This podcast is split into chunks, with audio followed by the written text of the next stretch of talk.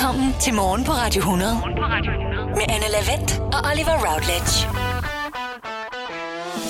Podcast edition. Hvorfor sidder du på en Jeg anden mikrofon, end du herovre, plejer? Oliver. Det er fordi, jeg har hørt, at man skal prøve at gøre noget andet en gang imellem, end det, man plejer at gøre. Gå imod sine øh, vaner, fordi så vil man opleve nye ting. Du Og er jeg- den sidste person, der skal tale om at gøre noget andet, end man Okay, plejer. okay, det var fordi, der lå et sæt hovedtelefoner herover, og jeg gad ikke gå ud og hente min egen for at sætte mig på min sædvanlige plads. Så det var dovenhed, der førte mig, dovenskab hedder det ovenikøbet, der førte mig herover. Til gengæld kan jeg nu se dig i en ny vinkel, Oliver. Hvordan er det for dig? dejligt. Jamen, jeg kan se, at du er blevet øh, klippet. Det er som om, du ikke er helt... Du, er ikke så korthåret, som du plejer at være, når du Nej, vi klippet. valgte at beholde lidt på toppen. Vi? Ja, det er Max, min frisør jo. Nå, det er min, Max, ja. Min vanlige frisør. Jeg har jo den faste frisør i øh, København, det er jeg rigtig glad for. Han mente, vi skulle holde lidt på toppen. Jeg var lidt skeptisk. Men altså, og det må du være enig i, det, det er fandme blevet flot. Ja, det er da, det er pænt. Det er Ja, det da. Det ja. må jeg, det må Tak jeg skal sige. du have. Og så tror jeg, øh, at det var det, vi snakkede om din frisyrer i den her uge, faktisk. Jeg tror ikke, der er mere om det i den her podcast. Nej, det er der heller ikke. Nej. Det kan, det kan jeg garantere Men der er andre gode ting at savre. Der er en masse gode ting. Det er altså en bouillon-terning er det bedste, vi har lavet i løbet af ugen. Og det har været svært at vælge. Ja. Øh, har du det? Ja, det har været så svært. Der har været så meget godt. Mm. Men altså, vi er rigtig glade for, at du lytter med. Og husk, at hvis du, at du gerne vil have hele oplevelsen, så skal du bare hver dag sørge for at hente vores daglige podcast. Den hedder Morgen på Radio 100 i dag, hvor du kan finde den samme sted, som du har fundet den her. Du kan jo så lige trykke abonner, fordi så ryger den øh, automatisk ned i din podcast-app, når den er færdig. Det vil vi være glade for. Derudover, god fornøjelse med det, og tak fordi du lytter. Hej hej! Jeg var jo i øh, Hamburg i øh, weekenden. Mhm. Mm-hmm. Tog afsted øh, torsdag eftermiddag fra øh, København. Det var også stressende nok at komme afsted med en bus, skal jeg fortælle dig, som man ikke kunne finde. Og der stod måske være der et kvarter før, og det, jamen, det var forfærdeligt. Men øh, grunden til, at jeg var dernede, det var for at se en fodboldkamp. Jeg skulle øh, se øh, St. Pauli mod Aha. Hamburger Sportsverein. Et derby, simpelthen. Altså Hamburgs svar på Brøndby mod FCK. Okay, nå. En stor kamp. Fedt, ja. Rigtig fedt, ja. Og øh, jeg havde glædet mig til at sidde på stadion og drikke en øl. Ja, Du det ved. kan jeg da godt forstå. Det er den anden fodboldkamp, jeg skal se live på stadion, øh, siden at der må være fans igen. Øh, den første, det var ja, Danmark-Belgien øh, under EM. Der var øl. Det var fantastisk. Det var Mhm. dejligt. Ja. Og så kommer jeg ind på øh, det her Millentor Stadion, Millentor Stadion øh, i St. Pauli-området i Hamburg. Flot gammel stadion. Og går op ned til den bod, der er, og siger, Hallo, zwei Bier, danke. Ich heiße Oliver. Ja, genau. Ich komme aus Dänemark. Ja. Wie geht's? Zwei Bier, danke. Ja. Og så siger hun så noget, jeg ikke helt forstår, så siger hun, alkoholfri. Så siger jeg, nej, nej, øh, mit alkohol, danke. Nej, nej, nej, nej, nej. Så er sagen den, at man kun serverer alkoholfri øl på What? stadionet. Og øh, det har åbenbart øh, noget at gøre med corona. Man er bange for, at folk de drikker for mange øl, at folk de derfor bliver fulde, og at folk de derfor ikke kan overholde de regler, der så er på øh, stadionet stadigvæk. Blandt andet sådan noget med, at man måtte ikke sidde ved siden af hinanden, der skulle være en plads mellemrum imellem hinanden og sådan noget. Og der har ikke været kæmpe demonstrationer i Tyskland mod det her. Fordi det er noget, der vil vække folkeopstandelse her hjemme i Danmark. Det kan jeg da godt sige med det samme. Ja, åbenbart ikke, nej. Fordi altså, jeg lå godt mærke til, at der var overraskende mange, der sådan stod foran stadion øh, med sådan en lille bod, hvor du kunne købe øl. Nå, okay, så kunne man lige øh, fylde depoterne, inden Ja. man gik hen. Og det tænker jeg, men det er vel fair nok. Det kan være, at man måske ikke står så meget på bar, at man mere står sådan ude foran stadion og varmer op til kampen. Øh, det var så højst sandsynligt, vil jeg tro, fordi at de godt vidste, at når de så kom ind på stadion, så var det alkoholfri øl. Og var det sådan noget med, at I blev øh, visiteret, inden I gik ind? Så man Nej. kunne ikke lige... Nå. Jo, altså havde man en taske med, så skulle den lige åbnes. Okay, fordi Så- jeg tænker, man kunne da godt lige tage en drikkedunk med, og, og så sige, jamen det er da bare... Ja, det, den havde det, nok ikke fået lov til at komme med ind. en drikkedunk. Wasser, ja. Ja, genau. Kein, kein vodka hier. Nicht, nicht vodka, nein. øh, men det fik mig til at tænke på, fordi altså... Jeg endte med at købe alkoholfri øl, fordi altså, jeg skulle have en øl. Om det så smagte af øl, eller om der... Altså, det skulle bare gerne være en øl, og det skulle se ud som om, at det, ja, det var øl. Ja. Øhm, men det kunne jo godt have fungeret... Altså, hvis det var mig, tror jeg... Man kan godt lade det fungere som sådan en form for placeboøl. Altså, bare lade være med at sige, det er alkoholfri øl. ja. Det tror og, jeg også og så bare sige, ja, jamen selvfølgelig, her får du øl. Ja. Og så kan folk sige, jeg, jeg fik seks bajer på stadion i går, jeg kan ikke mærke en skid, kan jeg godt fortælle dig. Nej, det er fordi, der ikke er alkohol i. Ja. Men det kunne, bare, det kunne sagtens fungere som sådan, ja, ja, du får her, her, tag nogle øl. Men der har jo også været øh, eksperimenter, altså, hvor man ligesom har givet folk noget, som de troede var alkohol, hvor det ikke har været alkohol, og hvor de alligevel har mærket en eller anden form for rus, fordi de netop troede, at de ville opleve det. Ikke? Ja. Altså, jeg tror godt, man kunne nok godt narre tyskerne til at tro sådan, ja, ja, alkohol, ja, ja. Ja, men præcis. Prost, men, prost. Men det var... Puha. Jeg endte med at købe to af de her. Og de smager jo... Jeg har lyst til at sige, at de smager som øl. Men jeg tror, at grunden til, at jeg ikke har lyst til at sige det helt alligevel, det er, fordi jeg vidste, at der ikke var alkohol i. ja. Og det er derfor, jeg bare tænker, bare lad være med at sige det. Ja. Til gengæld øh, var det vel lidt nemmere, når der blev scoret mål, og så kaste øl op i luften. Altså, man havde vel ikke helt de samme følelser, som hvis der havde været alkohol i. Men det gør man ikke i Tyskland, Nå, det gør man ikke skal i jeg fortælle Tyskland. dig. Og ved du, hvorfor jeg tror, man ikke gør det? Fordi at i Danmark, der får man jo... Altså, det er meget plastikkrus, man får øl i. Altså, sådan helt de der tynde plastikkrus, ja, ja. som man kender. I Tyskland, der er det med hank og noget hårdt plastik. Det vil sige, hvis du kaster den her plastikkrus, så gør det vidderligt er ondt får den i at få den i hovedet. Ja, okay. Så der, du, du kaster ikke... Jeg var, jeg var lige ved det ellers, fordi jeg var dernede for at besøge øh, ja, min ven Simon, der endte med at score to mål i kampen og afgøre kampen. Ja. Så jeg var helt op at køre. Men så kunne jeg godt se, nej, det gør man ikke. Det kunne altså været rigtig fedt, hvis du havde øh, afsluttet det med at plukke et plastikkrus i hovedet på ham. For satan! Godt klaret, mand! Sådan! Og så, ja, nej. Nå, ja, det resten af kampen. Det er Så det gør man ikke. Men mit forslag er bare, at hvis det er, at man er et sted, hvor man kun må servere alkoholfri bier, øh, bare lad være med at sige det. Ja. Øh, så tror jeg sagtens, at øh, folk de køber flere øl, hvis det er. Det er jo ingen hemmelighed, at politikerne er i stigende grad begyndt at bruge de sociale medier til deres politiske budskaber. Det er korrekt, ja. Og øhm, Pakket ind, oftest med en selfie, eller jeg har også lagt mærke til, øh, hunde er meget populære. er det populært? på vores øh, folketingspolitikers øh, sociale medier. Ja, det, giver, det genererer åbenbart nogle øh, likes og nogle kommentarer. Ja. Fordi mm. der er mange, der... Altså, mm, det kan godt være, at man kan være uenige om politik, men hunde, det kan vi da samles om. Det ikke? kan vi samle, og det er jeg fuldstændig enig i. Det ved jeg, ja. Øhm, men vi skal faktisk til en selfie og en tur ind på Søren Espersens Twitter-profil. Ja, For han har taget et, øh, et selfie, Søren Espersen, og det har han på en café med øh, en kop kaffe. Og øh, lyder det dejligt? jeg er fuldstændig enig med Søren Espersen i det, han skriver. Og jeg, jeg kommer til det nu, for han skriver således. Jeg kommer sjældent på café, ikke mindst af den årsag, at, der, øh, at man der ofte serverer skoldhed kaffe i et glas. I et glas! Udråbstegn sur smiley. Først når kaffen er kølet af, er det muligt at røre ved glasset. Til info, kaffen skal serveres i en kop krus med hank. Hanken er opfundet. Og der må jeg bare sige, Søren Espersen, alt imens, For press. alt imens der er drama i dit parti, så tager du en af de største diskussioner op, og du er ikke bange for det. For jeg er fuldstændig enig. Der er da ikke noget værre, end at være et sted i København, eller hvor i al verden man ellers drikker sin kaffe, og den bliver serveret i et sådan et billigt glas fra Ikea, der koster 2 kroner, og du kan ikke holde ved det glas, fordi at der simpelthen, det er så varmt, så kan du holde fast i det oppe i toppen på de der halvanden centi, eller halv centimeter, ja. der er oppe i toppen, og så er du bange for at tabe det, og du kan ikke, altså, Søren Espersen, you go, sir. Ja, det er da også... Det er ikke noget, det er ikke noget jeg, der hisser mig så meget op, kan jeg mærke. Jeg synes da også, det, det kan da godt være træls. det der, det, der gør mig glad i alt det her, det er, at præcis imens, at alt det lort, det står på i Dansk Folkeparti, så giver Søren Espersen ikke en flyvende fuck for det. Og han tager bare på sine sociale medier og skriver om kaffe i glas. Men okay, jeg kan, det kan jeg faktisk... Jeg synes faktisk, det er, det er en pointe. Hvor- Hvornår begyndte man på det her glas? Jeg føler, det er en nuller ting, Nej, at man er begyndt på det. Det kan godt være. Noget andet, der også er irriterende, hvis vi bliver ved kaffesnakken, det er de der øhm, to-go-kopper, hvor øh, låget ikke passer til. Ja. Det er så træls. Ved du, hvad der også er irriterende? Hader det. at få en øh, kop kaffe i øh, ja, en kaffe i enten kop øh, jamen det er så koppen det er den lille, ikke? Jo. Ja. Når du får det i en kop, og den hank der er på koppen ikke passer til dine fingre, så du sådan holder på det helt akavet. Ja, det er Sådan også en helt lille tynd Sådan, hvor man hank. med en finger eller Ja. andet, så sidder man der. Ja, Fuldstændig nederen. Kaffe skal, som Søren Espersen siger, serveres i en kop eller krus med hank, som er stor nok til, at man kan holde fast i det. Og det gør du til valg på. Og det, men det gør Søren Espersen. Søren det Espersen, han vil gerne blive Stem mig. næstformand i Dansk Folkeparti. Eller det ved jeg ikke, om han vil. Det burde han blive med bare det ene opslag, han har lavet her. Men han har, jo, han har jo været det. Der kæmpede han jo ikke for det. Nej, men det har han fundet ud af nu. Det kan være, at han har fundet sin vej tilbage her. tror jeg nemlig, han har. Jeg tror, Tulle han ser det der og siger, prøv at høre, det har virket for Mette, sådan noget her. Ud med glas, ind med kopper. Lige præcis. Stem på Søren Espersen.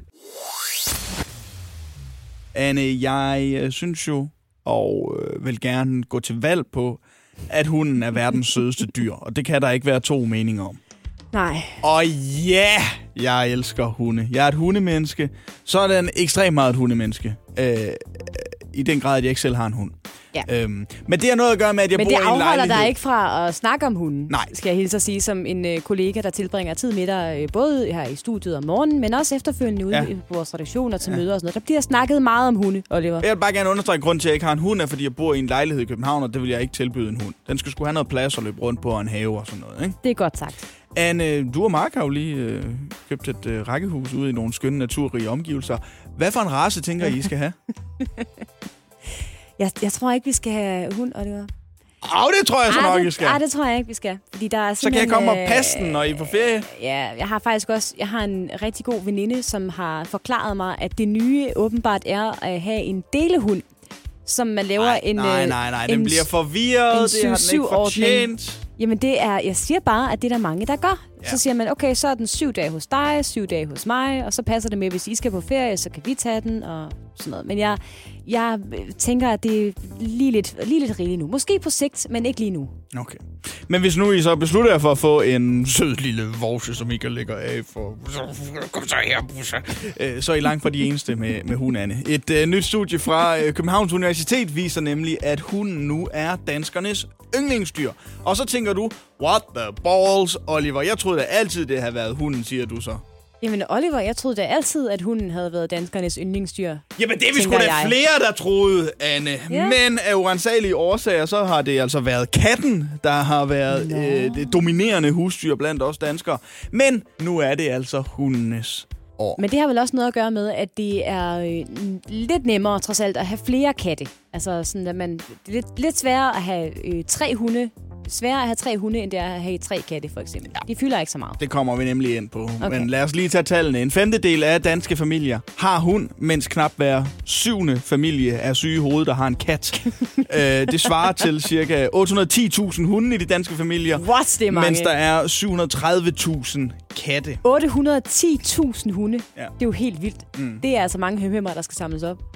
Ja, men altså, det kommer også an på, hvor de skider. Sidste gang, Anne, man lavede den her undersøgelse, det var 20 år siden, og der var katten som sagt øh, dominerende. Det var den, fordi øh, den er selvrensende, øh, den klarer sig selv. Øh, det gjorde ikke noget, man arbejdede 12 timer om dagen. Katten skulle nok være ude på rov alligevel. Og den graver sine hømhæmmer ned. Ja, eller skider i en bakke. Jamen, kan skide både i en bakke, men også udenfor. Ja, det kan den også, Ja. ja. Meget smart. Det kan, Nu- det kan den også. Nu er vi nået dertil, hvor vi elsker hunden. Og det gør vi, fordi at den bliver en del af familien hurtigt. Og den er afhængig af, af mennesker, altså på grund af gåture. Og for at have det godt, så skal der altså være nogen, der giver dem noget mad og sådan noget. Ikke? Mm-hmm. Den her nye undersøgelse, den viser også, at øh, hunden er det kæledyr, som vi danskere knytter os mest til. Og det kæledyr blandt alle, som vi vil betale flest penge for at behandle, hvis nu den bliver syg. Der siger katteejer bare, åh, ej, ved du hvad, der kommer nok en ny, så det behøver vi ikke behandle. Hundeejer siger, kom Ja. så her, Baloo. Skal Ja. vi lige til dyrlægen med dig? Jeg har ikke brug for, at det bliver sådan en, øh, en krig mellem øh, katte og hundemennesker, Oliver. Der skal være plads til alle. Jeg kan godt lide katte også, og det, og det ved du også godt. Mm. Men det er også, fordi vi også havde kat, kat da jeg var lille. Så, øh, så tanker til Herbert, som desværre ikke er blandt os mere. Nej, til gengæld så er der altså 810.000 søde, firebenede vorser rundt omkring i det danske ganske land. Og jeg har lyst til at nusse med dem alle sammen, skal jeg fortælle dig. Så I kan bare komme forbi i studiet. Vi ligger i Skovlund. Der er nogle regler, men hey, det ser vi bort fra, hvis hunden er sød nok. Oliver, jeg skal lige spørge dig. Hvornår var du første gang ude på arbejdsmarkedet? Altså sådan et rigtigt job, hvor jeg skrev under på en kontrakt og sådan noget. Ja, Øh, jeg var 15, næsten 16. 15, næsten 16. Ja. Okay, var det godt? Robin Donalds. Så står jeg bare der og laver pomfritter, og så Hvad er ind i det- køkkenet. Og... Hvad, undskyld mig, hvad er det, du kalder McDonald's? Robben, Robben! Hvorfor det? Hvorfor det? Jeg ved ikke, det er bare Jeg noget, forstår intet af det her. det er noget, nogle af mig og nogle af mine kammerater, vi siger, når vi skal være lidt sjove. Okay. Skal vi tage på Robben? Det, det er dejligt.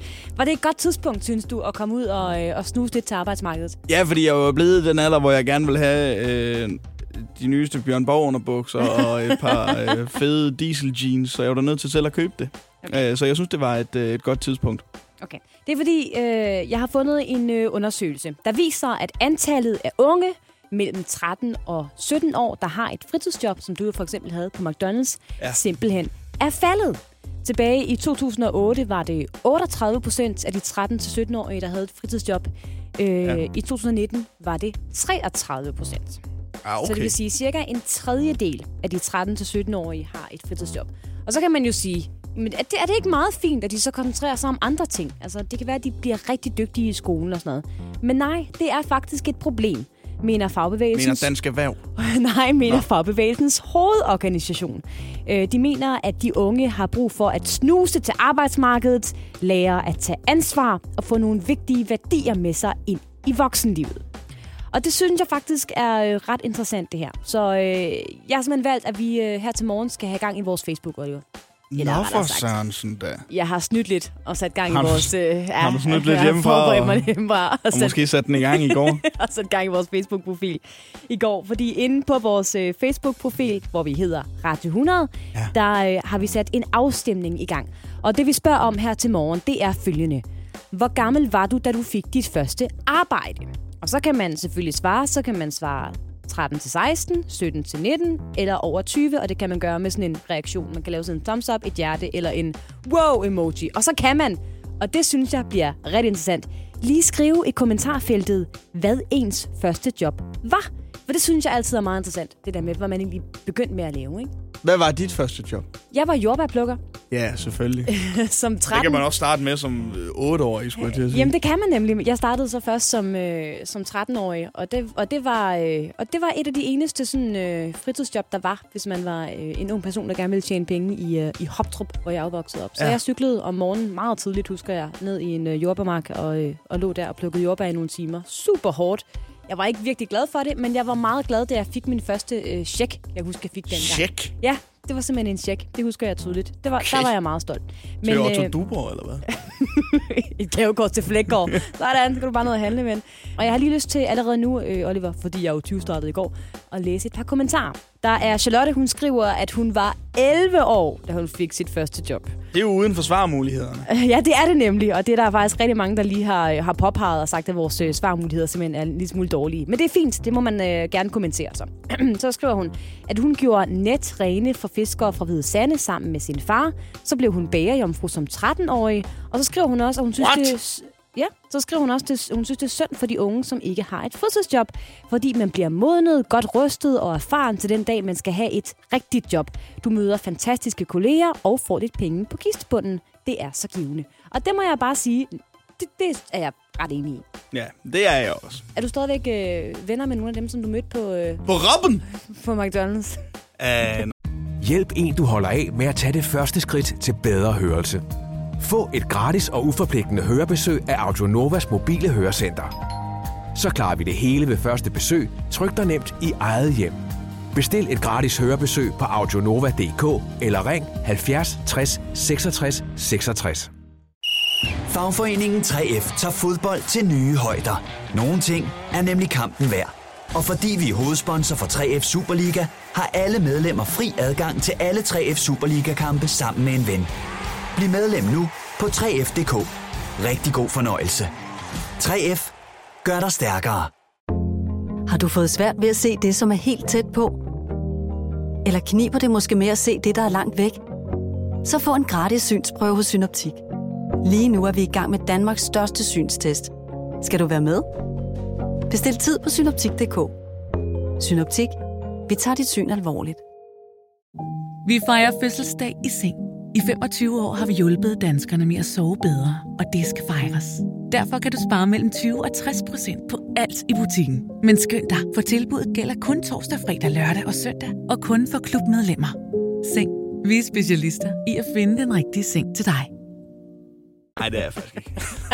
Okay. Jo, ikke, jo, det er jeg faktisk, men vi, altså, det var, jeg arbejdede der også, fordi en af mine gode kammerater arbejdede der, som jeg så stadigvæk er gode kammerater med. Der er også Anne, der skriver, jeg havde mit første fritidsjob, da jeg var 8. Jeg tog kartofler op i sommerferien. Det fortsatte jeg med hver sommer, til jeg var 17. Ellers har jeg haft rengøringsjob, fra jeg var 13 år. Så skriver hun, mine tre børn har også altid haft fritidsjob, som de selv har klaret jobsamtale til, samt selv pa- passet deres job. Og der tror jeg, hun, øh, hun hensyder til, at der har været nogle tilbøjeligheder de seneste år, hvor der simpelthen er mange forældre, der lige har ringet og sagt, kunne I bruge mit barn til et eller andet, eller mit barn vil gerne søge job hos jer, eller sådan noget. Der har også været eksempler på forældre, der har været med til jobsamtaler. Mm. Hvilket måske ikke, det ved jeg ikke, nu er jeg ikke selv arbejdsgiver, men jeg tænker ikke, det giver det bedste indtryk. Nej, at det der synes sidder- jeg egentlig ikke, det gør. At der sidder en, man skal ansætte, og vedkommendes mor eller far ved siden af. Det er endnu en gang blevet tid til den mest omtalte og bedste krejlerquiz i den danske mediebranche, nemlig Hvad er det værd, quizzen? Ah, ikke, om det er den mest omtalte. Og det er Altså, her, du omtaler hvor jeg har meget. fundet et eller flere produkter, som er sat til salg på internettet. Og så er det op til jer at gætte, hvad det er værd. Den samlede stilling i den nye sæson er 1-1. Ej, Og øh, jeg husker det som øh, 10-1 til mig. det er forkert. På grund af mandfald i dag, så er det jo ikke øh, Lasse, du skal kæmpe mod. Det er lidt en, øh, en hemsko for dig. Ja, det er det. Fordi jeg, jeg plejer at smadre Lasse. Lad os bare sige det som det er. Men hvis du kigger til højre for dig, så står der øh, en, øh, et, øh, en, en, en kvinde, Anne. Og det er vores praktikant, hun hedder Laura. Kan du lige sige hej til Laura? Hun har været her i to uger nu, du har ikke sagt et ord til hende. Det var så det, der ikke hed. Hej, Laura. Godmorgen, Anne. Velkommen til, Laura. Tak. Er du beæret over, at du får lov til at være med i Hvad er det værd, quizzen? Det kan du tro, jeg er. Det kan jeg godt forstå. At, er Har du lavet sådan et krav om, at, at man skal øh, begynde med L, for at kunne være med i Hvad er det værd quizzen? Nej, det har jeg ikke, Anne. Er du nervøs, Laura?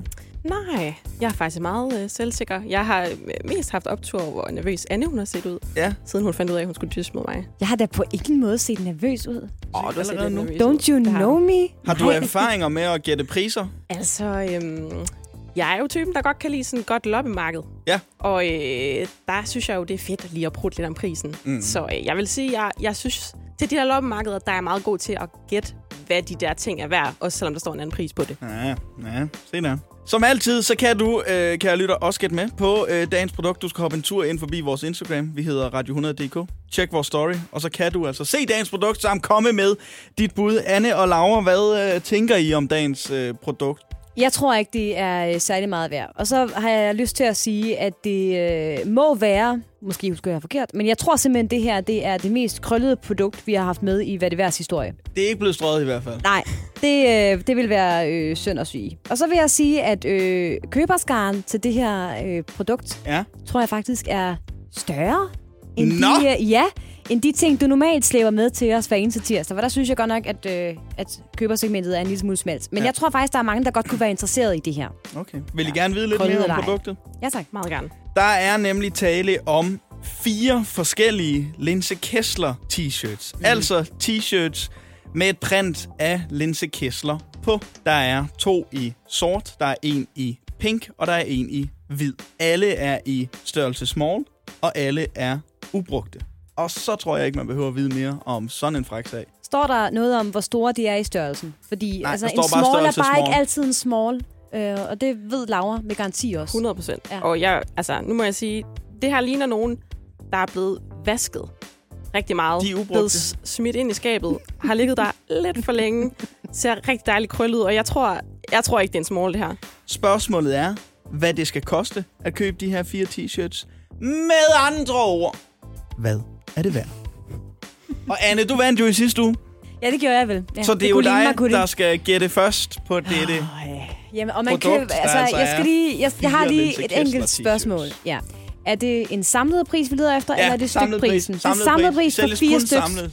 Fire stykker Linse Kessler t-shirt, der simpelthen er meget krøllet, men påstås at være ubrugte. Øh, jamen, øh, fire stykker Linse Kessler t-shirt i størrelse small, de koster 264,5. 264,5 er budet fra Hold Vest. Ja, Du tak. kæmper jo på øh, Hold Grønland i dag, øh, Laura. Ja, Og vi skal det gør bruge et øh, bud fra dig. Det skal jeg jo. Og jeg vil sige, at øh, det bud, du kommer med der, Anne, det var meget tæt på det, jeg tænkte. Det er et fremragende bud. Det er Jamen, og et det kan vi godt virkelig sige godt med det bud. samme Det nu. synes jeg faktisk, det er. Det er det. Og jeg er lidt i tvivl om, om øh, den her sælger er en, som der godt ved, at det her, det er, der nok ikke, det er der nok ikke så mange penge i, eller om det er en sælger, der tænker, uh, jeg kan få meget på den her. Mm. Der, er mange, der er mange køber til den her. Og jeg tror, hmm, jeg ligger mig lidt lavere. Jeg siger fire styks 230. 230 kroner Heller ikke et dårligt bud, er budet Tak, fra Hold Grønland. men dårligere end mit. Med vores praktikant, Laura, mm. i Mhm. spidsen. Ja. Det bliver spændende at se, hvem der vinder dagens Hvad er det værd quiz.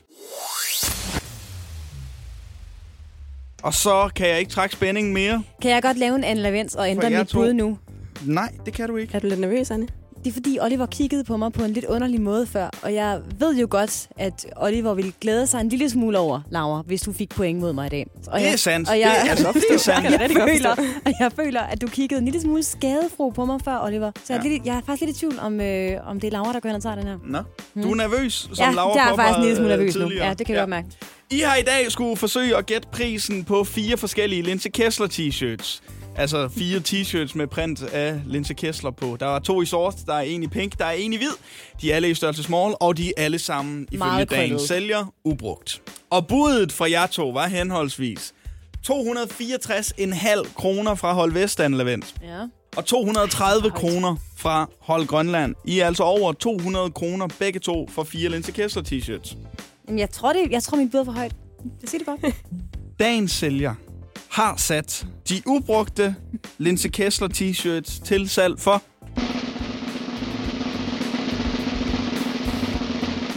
...500 kroner. Ja! Yeah! Ja! Men jeg vil, have, jeg vil sige det her. Det er for meget. Det er alt, alt, alt for meget. Alt for altså, meget. undskyld, men har Linse Kessler haft dem på, eller Nej, hvad? det tror jeg ikke, de er i størrelse small, som sagt. ja, hun kan ikke, hun Det kan er ikke en- få de Det t-shirts er på. en crop top i så fald. uh, jeg vil gerne sige, at dagens sælger har uh, sat prisen ned. De var til salg for 800 kroner Nej, til at nej, starte. nej, nej, nej, nej, nej. Nej, det er for meget. Det er for meget. Ja. Tillykke med sejren, Anne. Ej, det er synd for dig, Lars. 2-1 Tillykke, til dig. Anne. Tillykke. Tak for det. Det var altså i april måned sidste år, at Joy Mogensen til det musikmedie, der hedder GAFA, udtalte, at det er lang tid siden, hun har hørt albums, men hendes yndlingsalbum har hun altså lyst til at sige er Absolute Music 2 fra 1993 med altså Charles and Eddie, Would I Lie to You, Duran Duran's Ordinary World. Ja. En masse fine sange. Hun fik en del røg for at have Absolute Music 2 som øh, sit yndlingsalbum. Ja, og Ja. det gjorde hun jo, fordi at hun var kulturminister, og så tog hun sådan et, en, et album med en masse hits på, som sagde, det her, det kan jeg bare godt lide. Ja. Er en rigtig poppige. Men jeg tror også, at det var fordi hun i virkeligheden svarede på, hvad der havde betydet mest for hende. Ja. Og vi ved jo, at ens musiksmag bliver dannet i ens ungdomsår, ikke? Jo. Og øh, nu har vi altså fået en ny øh, kultur- og øh, kirkeminister. Det er Ane Halsbo Jørgensen. Og hun har været på besøg i øh, Radio 4 øh, i går morges. Og der kunne de altså ikke lade være med at spørge hende, hvad der var hendes yndlingsalbum. Og hun har faktisk også svaret på andre spørgsmål omkring musik. Og jeg har lavet en lille samling af, hvad det er, Ane Halsbo Jørgensen godt kan lide. Prøv at høre her en gang. Den jeg drømmer se Den jeg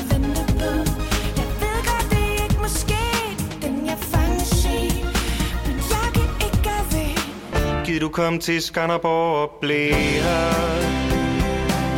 Giv du var så tæt, at jeg kunne se dig du til Skanderborg og lå her Giv du lå så tæt, at jeg kunne nå dig Cause it's so hard to meet the eyes that I see when I try to open up my heart. There's something inside me and I know it. Gode danske artister. Det kunne godt være en blanding af vores tos øh, playlister, det der, Oliver. kunne det sagtens. Det kunne det sagtens. Men øhm, Anne Halsbo Jørgensen kan altså både lide Marie K., hun kan lide Peter Sommer, hun kan lide D.A.D. Ja, tak. Mere generelt set, så siger hun, at det bedste album, hun øh, har eller har lyttet til, det er altså De her dage fra 2012 af Marie K. Ja. Så der må man sige, Anne, der er Anne Halsbo Jørgensen. I er bare nogle Marie K-tøser. Anne og Anne. Ja, men Ja. vi skal da være, øh, vi skal da være veninder, kan jeg godt mærke. Og vi andet mødes øh, til en Marie K-koncert. Det og, kunne I sagtens. Og græde lidt Ja. ja. over de kærestesår, vi garanteret havde begge to 2012. Så siger hun også, hun har hoppet rundt til en del DAD-koncerter i Nordjylland, da hun var yngre. Ja.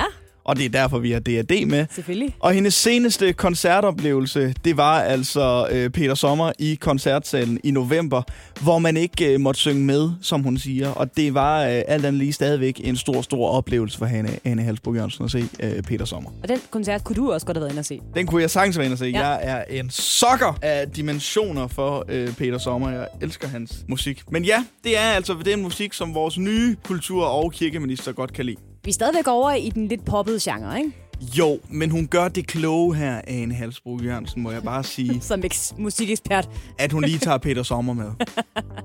Fordi han er sådan lidt øh, arty også. Han er arty, ja. og han skriver nogle tekster, hvor man siger, wow, du er bare god til at øh, skrive musik, Peter Sommer. Hvor er det poetisk, Peter. Ja, Peter Sommer er jo sådan, at det er kultur, fin kultur på en eller anden måde, tror jeg, der er mange, der synes. På ja. trods af, at han også har lavet Skanderborg, eller 8660, som det hedder. Ja, det kan være. Ja. Så øh, jeg tror, hun rammer lige ned i det rigtige gaffesegment her. Jeg hæfter mig bare ved, der er ikke øh, Mozart eller øh, Beethoven eller Nej, det er andre klassiske kunstnere på hendes øh, en Spotify-liste. Men det jeg også hæfter mig med, det er, at der er heller ikke voldbeater for evigt. Nej, det er også rigtigt Så nok. jeg tror egentlig, hun har, hun har, hun har gjort det helt Hun rigtigt er her. et sted midt imellem.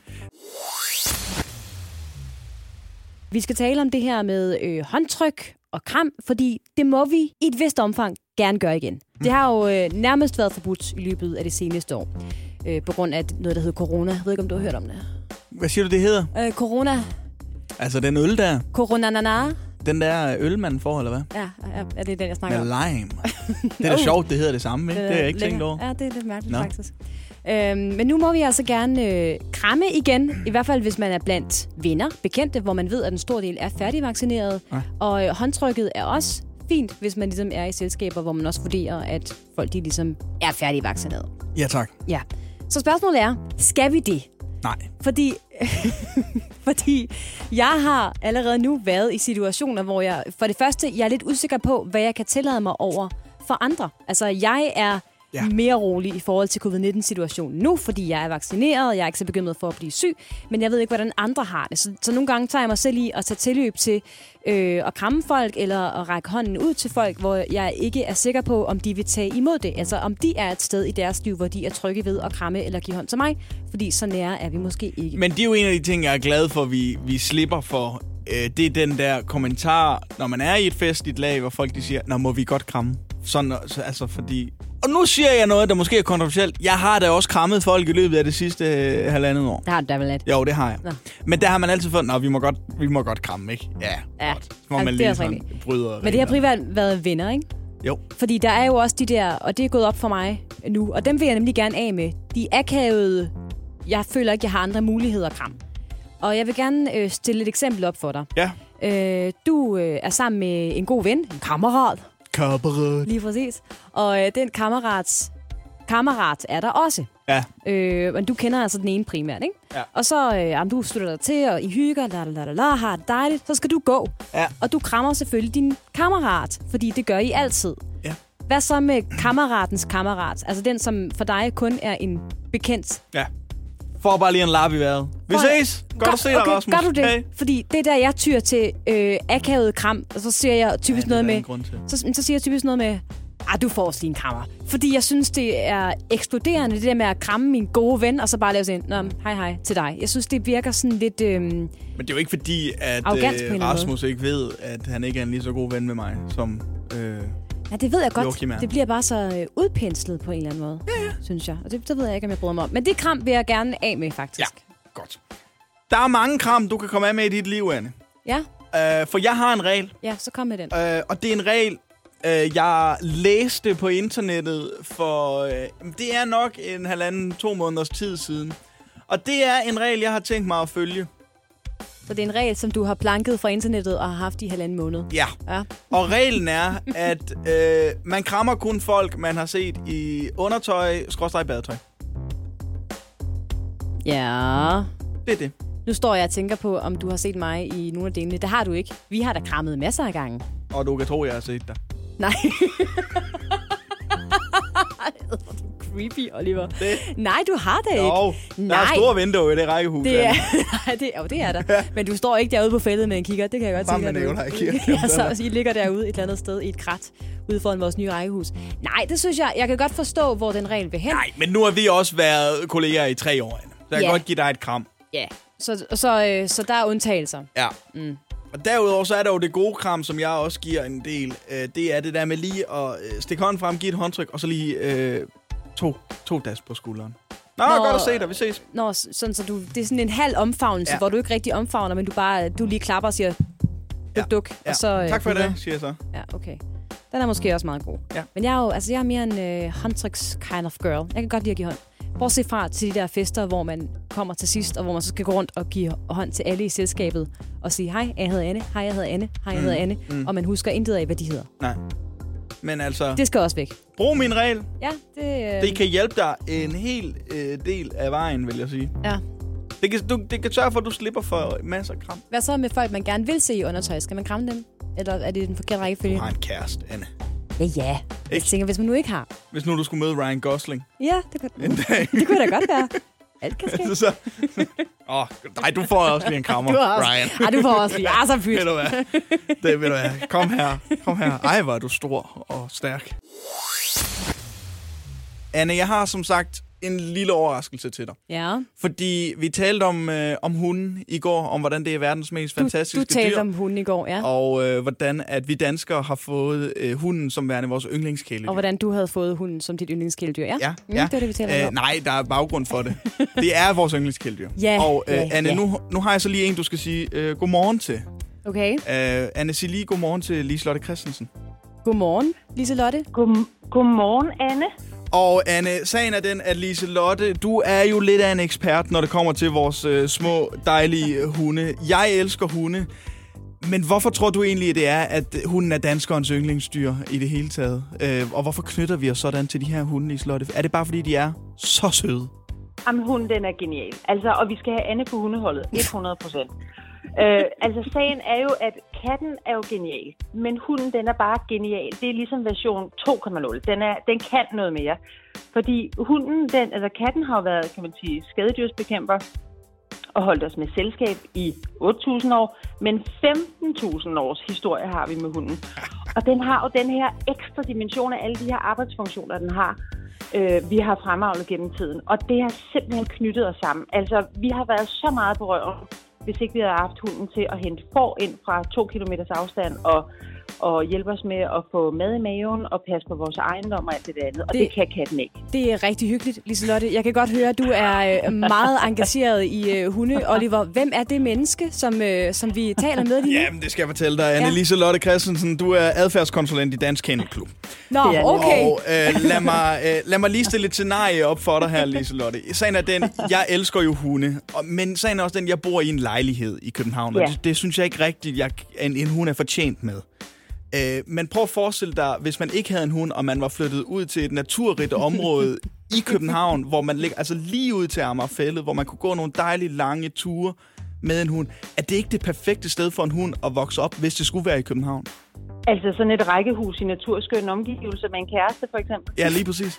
Ja, ej, men det er jo fuldstændig, altså, det er jo modellen til det ideelle hundeliv. Det, det kan jeg godt mærke, fordi... Det er, Men Anne, sagen ja. er jo nok, at Anne skal vilde det, Ja. og, og vilde det på den lange bane. Og det er jo sådan en 15-års uh, commitment der, så, øh, så vi, vi har også forståelse for, at, uh, at Anne måske tøver lidt. Ja. Men Anne kan få de samme gavnlige effekter af hund ved at låne en hund. Og der er det, jeg kommer ind i banen. Fordi jeg har syv hunde, og Anne, jeg kommer simpelthen bare op til weekenden og afleverer en hund til dig.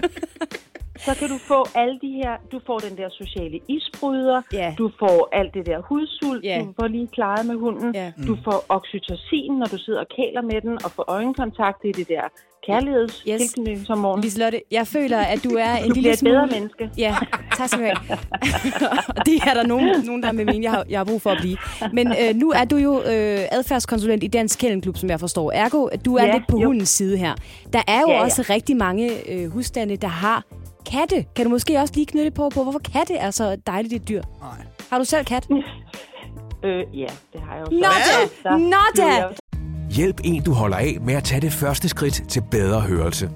Få et gratis og uforpligtende hørebesøg af Audionovas mobile hørecenter. Så klarer vi det hele ved første besøg, tryk dig nemt i eget hjem. Bestil et gratis hørebesøg på audionova.dk eller ring 70 60 66 66. Fagforeningen 3F tager fodbold til nye højder. Nogle ting er nemlig kampen værd. Og fordi vi er hovedsponsor for 3F Superliga, har alle medlemmer fri adgang til alle 3F Superliga-kampe sammen med en ven. Bliv medlem nu på 3F.dk. Rigtig god fornøjelse. 3F gør dig stærkere. Oyster er bedst til prisen, ja. Skrabe priser, uanset hvordan du vinder og drejer det. For fri tale 50 GB data for kun 49 kroner de første 3 måneder. Bare rolig. En skræmme er kun skræmmende, hvis du ikke er ordentligt forsikret. For som medlem af FDM kan du heldigvis få en af Danmarks bedste bilforsikringer, der er kåret som bedst i test flere år i træk. Beregn din pris på FDM.dk. FDM med dig hele vejen er lidt Jamen fanget dog, ja. suppedasen. Ja. Ja. Ej, katten, den er også genial, det må jeg sige. Men katten, den er jo sådan... Ja. altså, katten, den, den har jo bare... Den, den kan noget, den kan noget. Den kan kæle, den kan gå i vejen, den kan lægge en masse pels steder, hvor man ikke havde regnet med at skulle finde det. Altså, når man tager i byen, så har man jo lidt kattepels med, som en reminder om, den er derhjemme. Til gengæld kan man blive ude, fordi man ikke skal hjem og lufte den. Det er også meget man, smart, ikke? Og katten kan noget, det kan den helt yeah. sikkert. Og, og, og der er jo heldigvis rigtig mange mennesker, der, der lidt har et, et ben i begge lejre. Men altså, Oliver er vores hundeambassadør nummer et, og hamler i være. Og Anne, vi skal have der er engageret noget, i noget delehund på noget pasningsordning. Jeg føler muligvis, altså der skal mere, jeg kan se på dig, Anne. Du er der ikke endnu. Jamen, jeg, jeg føler, jeg er blevet udsat for en øh, form for intervention i live-radio. Jeg, jeg Ja. ved ikke helt, om jeg bryder mig om det. det. er faktisk det der. Ja. Ja. Liselotte, øh, jeg skal bare lige høre her til sidst, ikke også? Øhm, Ja. Fordi det, jeg kan mærke, at jeg bliver lidt ramt. Kan man virkelig godt have en kat, når man sådan er øh, hundenes ambassadør, som du er? Altså, jeg føler... Har du selv købt den her kat, Liselotte Christensen? Nej, det, sagen er jo, den kom jo til mig. Altså, den, den, den valgte at flytte ind hos, hos os. Altså, så det var lidt... Ja. Jeg var ikke helt med på... Øhm, jeg var ikke helt med på indkøbslisten der, men, øh, men altså, kat kan også noget, det må jeg indrømme. Det er sådan noget, de gør. dyr. Jamen, ja. Og det er det, og katte, de er øh, selvstændige væsener, så tænker de, har dejligt, her flytter jeg lige ind, og whoopsie, så øh, er der et sted at sove, og så øh, er der en øh, sød dame, der hedder Liselotte, der også fodrer en. Liselotte, vi, du og jeg har en opgave foran os det næste stykke tid, ja. Kan jeg mærke. Det er for Anne på Ja. hundeholdet, og det kunne jo være at starte med... et skridt tættere på. Ja, det synes jeg øh, i allerhøjeste grad. Du er som sagt adfærdskonsulent i Dansk Kennelklub. Tusind tak for øh, din hjælp til mig den her morgen. Selv tak. Tak, tusind Hej. tak, tusind tak.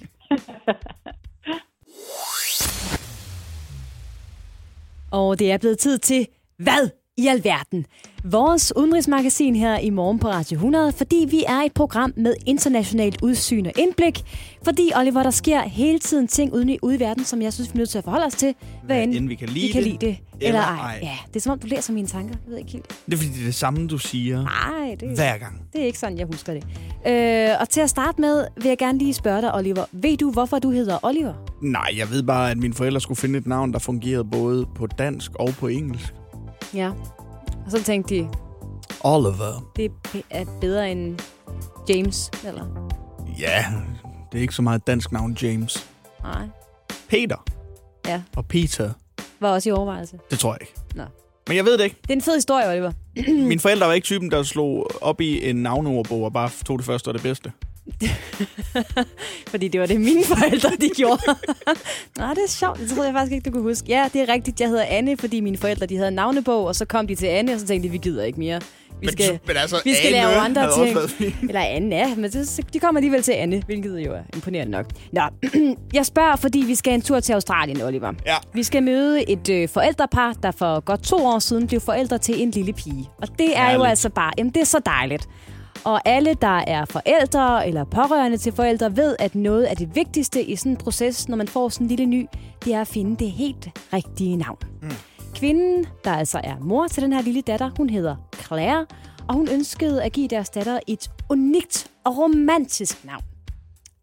Og så spørgsmålet bare, hvad skulle det være? Og de overvejede, og de, åh, de kiggede i navnebøger, og de havde svært ved at finde ud af det. Ja. Men så kom faren til barnet ind i billedet. Han har er sjovt, Nå, sjovt nok ikke han rigtig ikke- han har ikke noget navn i den her artikel. Jeg ved ikke lige hvorfor. Men det var i hvert fald ham, der lige pludselig rakte en finger op og sagde, prøv at høre, jeg har et godt navn. Jeg har et fantastisk navn.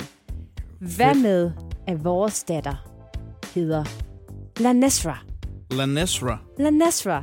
Ja, det er da unikt. Og Claire, jamen, hun synes bare, det, er, mm, det er unikt. Det er også romantisk. Det er alt det, som hun ønskede, det var der i det her navn. Men, Oliver, fordi der er selvfølgelig et men. Det er der altid her i vores udenrigsmagasin, der jo hedder Hvad i alverden? Så det er ikke bare en historie om, at Radio forældrepar i Australien har navngivet deres barn? Nej, det er det selvfølgelig ikke, fordi- Nå, okay. Her to år senere øh, har øh, Claires mand, altså manden uden navn i den artikel, nemlig afsløret, hvad navnet i virkeligheden betyder, og hvorfor han lige præcis foreslog det. Er det en eller anden øh, australsk rugby-spiller? Nej, men det er noget med sport at gøre. Er det det? Ja, det er det altså. Det eller er, anden stadion eller sådan noget? det er fordi... Øh, det viser sig simpelthen, og den havde jeg heller ikke fanget. Lanestra, det er simpelthen øh, Arsenal stadig bagfra, fordi han er meget glad for Arsenal. Ja, og det afslørede han altså øh, to år efter, at deres datter kom til at hedde det her navn. Claire, hun føler sig en smule snydt, men hun synes jo stadigvæk, at det er et pænt navn. Så sådan kan det gå. Og well played til, øh, til daddy uden I navn her. allerhøjeste grad. Well played, sir. Jeg er jo lidt spændt på, hvad du kan fortælle alene ved hjælp af stjernerne, Laura. Mm. Fordi du har øh, på en eller anden måde kunnet forudsige, hvordan Olivers og min dag kommer til at se ud. Det har jeg nemlig. Udelukkende ved hjælp af vores stjernetegn. Ja. ja. Og Det det, er jo noget, som du ikke rigtig tror på, Oliver. Nej. Ja. På ingen måde. ja. Jeg, jeg tror lidt mere på det. Jeg er klar til at bevise, at du tager fejl, Oliver. Ja. Det er jeg nemlig. Fordi Det jeg har selvfølgelig sørget for at finde det bedste horoskop til jer, så vi ligesom kan se... For hvad, i dag, hvad, eller hvad? For i dag. Så vi kan se, hvad der ligesom står skrevet i stjernerne Ja. i dag for jer. Og så kan vi lige tage en snak på mandag, om, om det var rigtigt Ja. måske. Ja, og sige, om, vi- om vi kunne Ser genkende vi det. sådan, ja. Det er en god idé. Godt. Jeg synes, vi skal starte med dig, Oliver, fordi du er jo den skeptiske. Ja, tak. Ja. Øh, og Oliver, du er jo født på en kold efterårsdag den 16. oktober 1995, mm. hvis jeg ikke tager meget fejl. Det er rigtigt. Yes, og det betyder, at dit stjernetegn, det er vægten. Ja. Og øh, dit horoskop for dagen, det lyder sådan her. I dag træffer du valg uden den tøven, der ellers har præget dig. Du stoler på dig selv. Du har svært ved at finde motivationen til at træne, selvom du har mulighed for at gøre det med en ven. Det går dig på, da du ved, at du skal til et stort socialt arrangement her i weekenden, hvor du gerne vil tage dig godt ud. Kompenser eventuelt med en ny frisyr. Ja. Det var det, der stod i stjernerne til dig i dag, Oliver. Stod, der stod der Er lige der- præcis ja. det der? Ja, det, Det gør var det. da- det Er var der- da utroligt. altså, Det var er da utroligt så præcist og personligt, det Ja. var. Er det noget, du kan genkende, eller er det... Uh, ikke det første, du sagde. Nej. Det der med, at jeg kommer til at træffe beslutninger, eller hvad det var. Nå, men der er jo meget dag tilbage, kan man sige. Ja. Ja. Uh, men ja, det der med at uh, ikke have motivationen til at træne og skal til et stort arrangement i weekenden og kompensere for med det ved at blive klippet. Men det, det har du fuldstændig ret i. Ja. Nå, det er rigtigt, ja. simpelthen. Ja, det var da sjovt, ret. det lige pladsede med det, var. Stjernerne Hvad, er hvad står der i dit, at du, du skal bruge din weekend på at male dit hus eller et eller andet? Det, ved, jeg, det kan vi da Det kan vi lige. Jamen, vi kan jo lige tage den. Det kan vi Skal spørge stjernerne om, ja. Ja. Og øh, Anne, du er født på en øh, overraskende varm dag, har jeg fundet frem til den 3. marts 1990. Ja, dejlig, du er gammel. dejlig dag. Og øh, det betyder, at du er fisken i stjernetegn. Det er jeg Ja. nemlig. Ja. 31. Yes. Og det er ikke det, der er vigtigt. Det er en fin ja. Dit horoskop for dagen, det lyder sådan her. På denne fredag føler du dig modig og bliver inspireret til at tage anderledes valg. Du har fået mere fysisk plads omkring dig, end du plejer, men dine omgivelser derhjemme er rodet. Ja. Husk, at du ikke skal være bange for at bede om hjælp, når lamper og billeder skal hænges op i dit hjem.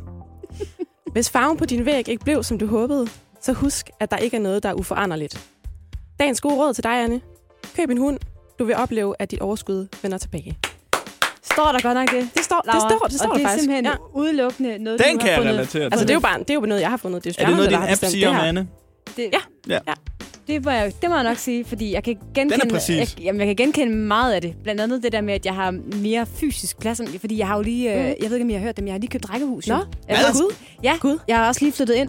Og Nå. det hele, det er altså, som stjernerne også siger der, Laura, det er meget rodet omkring mig. Og Ja. vi har Ja. faktisk også, det må jeg ikke sige sådan nogen, vi har også fået lidt hjælp til at hænge nogle lamper op og, og, øh, og nogle billeder og sådan lidt. Ja, praktiske Så- så- Johnny. Praktiske Jan, ja, Ja, præcis. Han ja. har nemlig været der. Så det er jo også, der har stjernerne også ret. Ja. Det der med hunden, det ved jeg ikke helt. Altså, Nej. det er som om, det har været et gennemgående tema i den her uge. Så, så der har stjernerne også ret. Altså, jeg føler, at især en kollega meget har været på mig for at overbevise mig om, at jeg bør købe en hund. Jeg er ikke helt overbevist endnu, men okay, Altså, stj- stjernerne de- forudser din, øh, din dag, så jeg synes lige øh, på mandag, så, så kan det jo være, at at der er jeg, en hund derhjemme at jeg har fået en hund lige pludselig. Ja. Ja, det, Ja. det kan man jo selvfølgelig ikke rigtig vide. Men øh, skal vi ikke også lige øh, hurtigt op øh, mit stjernetegn? Jo, Ja, Laura, kom det med synes jeg da. Nå ja, Fordi det er da en øh, gylden mulighed. Ja, det synes jeg. Det synes jeg. Og øh, jeg er jo født på en meget øh, smuk solskinsdag, faktisk den 27. april 1995. Ja.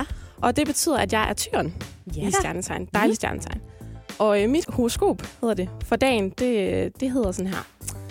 Hvis du kan bevare en harmonisk atmosfære blandt kollegaer, så kan der opnås meget i dag. Dine evner rækker langt, og du vil få succesoplevelser, på trods af, at dine kollegaer kan spænde ben for dig. Husk, at du er en stjerne. Det står der simpelthen? Det står der. Det står Okay, der. Ja. ja. Der stod også et eller andet med, at jeg skulle undgå at bruge permanente tusser i dag, men det jeg ikke. Ja, det var måske sådan en, en det var- bisætning. Okay. ja. Jamen, det, det synes jeg måske... Kan du genkende noget af det også, Laura? At virker det... Ja, det synes jeg. Jeg Ja. synes, ja. jeg synes faktisk, det rammer meget, øh, rammer meget godt ind. Ja. ja. Kollegaer, der spænder ben for dig? Ja, okay. ja. Nu skal vi ikke nævne navn. Men Nej, det, nej, det skal man aldrig gøre. Nej. Det skal man ikke gøre. Så hvis man sidder derude og er øh, vægt, tyr eller øh, fisk, så kunne man måske også godt bruge det her til noget. Ja. Laura, er det her noget, du har fundet på? Nej, nej. Nej, nej, Oliver. Det står i stjernerne. Laura har en app, Jeg har en app. hun kigger i. Den er meget præcis. Ja, det må man sige. Vi skal lære dig om det, der hedder kildekritik øh, i den tid, du er her, tror jeg.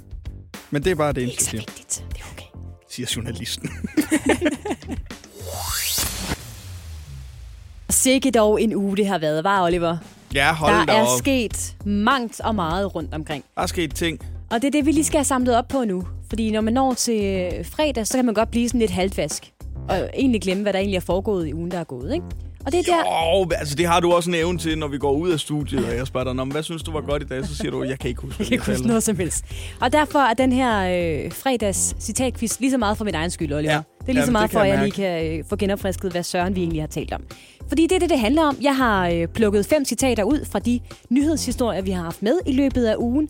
Så får du et citat, og så er det op til dig at bosse dig ind mm. med en øh, bosserlyd, som jeg går ud fra, at du har valgt, og fortæl mig ikke mindst, øh, hvem der har øh, sagt eller skrevet citatet, og så i hvilken forbindelse det er sagt eller skrevet, altså hvilken historie det knytter sig til. Ja, tak. Du kender reglerne. Jeg kender reglerne. Du har en rimelig god chance for at vinde i dag. Tak skal du have. Selv tak. Er du klar? Jeg er fuldstændig klar. Så kører vi. Hvordan lyder din bosserlyd egentlig? Fordi Danmark, det er så tæskerige et land. Yes. er det ham? Jeg siger bare fuck. Ja. Det, ja, godt. Første citat til dig lyder sådan her. Jeg bifaldt opslagets generelle budskab, ikke den specifikke del, som du refererer til. Fordi Danmark, det er så tæskerige et land. Ja, Oliver? Uh, jeg tænker bare på opslag på Facebook eller de sociale medier, som der har været noget omkring i den her uge. Det eneste, jeg lige kan komme i tanke om, det er Nasser Carters opslag. Mm-hmm. Om at han altså ikke skal være en del af de konservative længere. Uh, og så tror jeg, det er Søren Pape Poulsen, der har sagt det til deres uh, sommergruppemøde. Ja. 0 point, Oliver. Det er fuldstændig forkert. Fremragende bud dog. Ja. Øh, og du har ret. Øh, Nasser Carter opslag på Facebook. Check. Eksploderet fra de konservative. Yes, det er også sket. Men noget andet, der også er sket, og som vi har talt om, det er, at øh, retsformanden i oh. Morten Messersmiths sag jo har været rundt omkring på Facebook. Og måske like nogle ting, der har været lidt kontroversielle Ja. for en retsformand. Ikke? Ja. Øh, blandt andet et hos øh, Søren Pind, hvor det blev kritiseret, at Morten Messersmith ikke trak sig som næstformand for Dansk Folkeparti dagen efter, at han blev øh, dømt. Og der er nogen, der mener, at øh, man måske er en smule inhabil, når man Ja. den ene dag sidder og dømmer, og den anden dag måske giver sin egen private holdning til udtryk på Facebook. Ja. Godt. 0 point ved første citat, Oliver. Dårlig start. Du får et, øh, du får et citat mere. Han er meget glad og stolt og synes, det er lidt vildt, at sådan en episode kan ende med at gå viralt. Hvad? Han er meget glad og stolt og synes, det er lidt vildt, at sådan en episode kan ende med at gå viralt. Så det er noget, der er floreret på de sociale medier. Ja. Jeg vil gerne... Kan jeg øh, få en hjælpende hånd? Det var, øh, det var i lokal nyt. Det var i lokalnyt. Mm. Og hvad handlede din lokal Ja, det var jo nyt om? i onsdags. Det var i onsdags. Ja. Han er meget glad og stolt. Uh, Noget med fodbold. Noget med fodbold. Hvad? Ej! Okay, du får en ledetråd mere. Men jeg kan kun, hvor, hvor, jeg kan kun hvor er give I- dig et Ah! Fordi Danmark, det er så tæskerige land. Nå. Ja, det handler om den OB-fan, der fik øh, øh, sparket sin franske hotdog ud af hånden af en... Hvem fanden var det, de spillede imod? Silkeborg-spiller øh, under kampen imellem OB og Silkeborg den anden dag, og de havde eftersøgt ham på øh, de sociale medier og fandt ham, og det var han rigtig glad for, og nu har ham og hans familie fået billetter til OB's kamp imod Brøndby. Og øh, hvem kunne tænke sig at have sagt det her? En eller anden kommunikationsmand fra OB. Du får et point, Oliver. Jeg tror, han hedder Jack Høst. Fordi det er øh, fuldstændig korrekt. Historien er rigtig. Det er øh, 10-årige Buster, der i weekenden... Eller så er det hans skudt forældre, der har sagt det. Fransk hotdog ud af hånden på Odense Stadion, og nu er blevet inviteret med ind på banen i weekenden. I øvrigt også har fået gavekort på nogle franske hotdogs, hvilket jo også er dejligt. Og øh, personen, der har sagt det her, er hans, Hans mor. far. Nå. Ja. Et point, Oliver. Vi har et tredje citat. Det lyder sådan her. Vi går jo heller ikke på arbejde i shorts og bare mave. Fordi Danmark, det er så tæskerige land. Nå, der var du der. Ja, det er formanden for Fire Højskolen, eller skolelederen for Fire Højskolen i Vejle Kommune, der er ude at sige det her. Øh, som begrundelse for, hvorfor piger ikke må have crop tops på på deres skole. Det er korrekt, Oliver. Det- Laptops, det er altså noget, du ved noget Ja, om. det ved jeg noget om, ja. Du har fået øh, tre point, fordi det er nemlig skoleleder Bjarne Kynæb, som han hedder, om øh, forbuddet mod mavebluser, som vi hvis vi bare kan kalde de her crop tops, på øh, Firehøjskolen i Vejle Kommune, som godt nok har været en stor debat. Øh, ja, det forstår jeg godt. Af i går, ikke? Ja.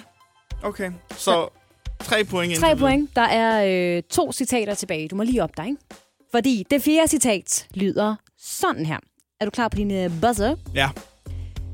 Jeg har også hoppet rundt til mange D&D-koncerter i mine unge dage i det nordjyske. Fordi Danmark, det er så tæskerige land. Ja, Oliver? Det er vores nye kirke- og kulturminister Ane Halsbo Jørgensen, der har sagt det her. Nå og det har hun i et forbindelse med et øh, interview, hun lavede øh, på Radio 4. Det Mhm. første interview, stort set, hun gav, efter hun blev minister, omkring hendes musiksmag. Fordi at der jo var lidt øh, uenighed om Joy Mogensens øh, musiksmag, da hun sagde, at hendes favoritalbum var Absolute Music 2. Og Anne Halsbo Jørgensens musikalbum, øh, yndlingsmusikalbum er Marie K's, hedder det Før vi lander. Nej, det hedder det simpelthen Før vi ikke. falder. Nej, det hedder det simpelthen ikke. Nå, men det er i hvert fald Marie K. Det hedder De her dage. De her dage, ja. Ja, med Marie K. Der var øh, Anne Halsbro Jørgensens yndlingsalbum. Ja. Og det er fuldstændig korrekt, Oliver. Jeg, Det vidste giver jeg dig, godt. jeg giver dig to point her, fordi hun har nemlig også hoppet rundt til mange D&D-koncerter i det nordjyske, fik hun også forklaret i det her interview. Så øh, nu har jeg sat fem streger på papiret. Ja. Sidste citat Okay. kommer her. Kom så! Jeg kommer sjældent på café. Fordi Danmark, det er så tæskerige land. Den havde du. Det er Søren Espersen. Nå da. Han har skrevet det i et opslag på Twitter af alle steder. Nå. Øhm, hvor han er sur over, at der på øh, caféer bliver øh, skænket, som han citerer, skoldhed kaffe øh, i glas. Og man er nødt til at vente, indtil man kan holde om glasset, før man kan drikke kaffen, og så er den blevet kold. Giv mig de to point. Der er to point, Oliver. Det er fuldstændig korrekt. Det er nemlig Søren Espersen, der øh, ja, var meget sur i det her øh, opslag på de sociale medier. Og du var meget enig med ham, ja. da du havde historien med. Jeg vil godt, øh, jeg vil godt give dig et bonuspoint. Så fremt Ja. du kan fortælle mig, hvad ja. det var, Søren Espersen havde skrevet i Caps Lock til sidst i opslaget. Åh. Oh. Det er tre ord, Ah. som ligesom opsummerer det hele. Tre ord? Mm-hmm. Tre ord til sidst. Caps Lock, som opsummerer hans pointe med opslaget. Ah, den er svær. Ja. Jeg, jeg Men det er gætter også- på, stop det nu. Ja, det er det ikke. Øh, det er også flot med syv point, Oliver. Han øh, sluttede sit opslag med at skrive med store bogstaver. Hanken er opfundet. Nå ja, det er rigtigt. Ja. ja. Men du har, Ah. fået, du har fået syv flotte point. Jeg synes, du kom tilbage Tak her i have. øh, anden runde af ugens citatquiz. Så det betyder, at jeg har bestået. Du har bestået, ja. Det må, det må jeg nok sige. Det har man jo også, hvis man har fået 0-2. Ja, Og, og som sige- vi uh, gutter, vi sagde i gymnasiet, alt over 0-2, det er spildt arbejde. Det er godt sagt. Godmorgen. Det her er Radio 100.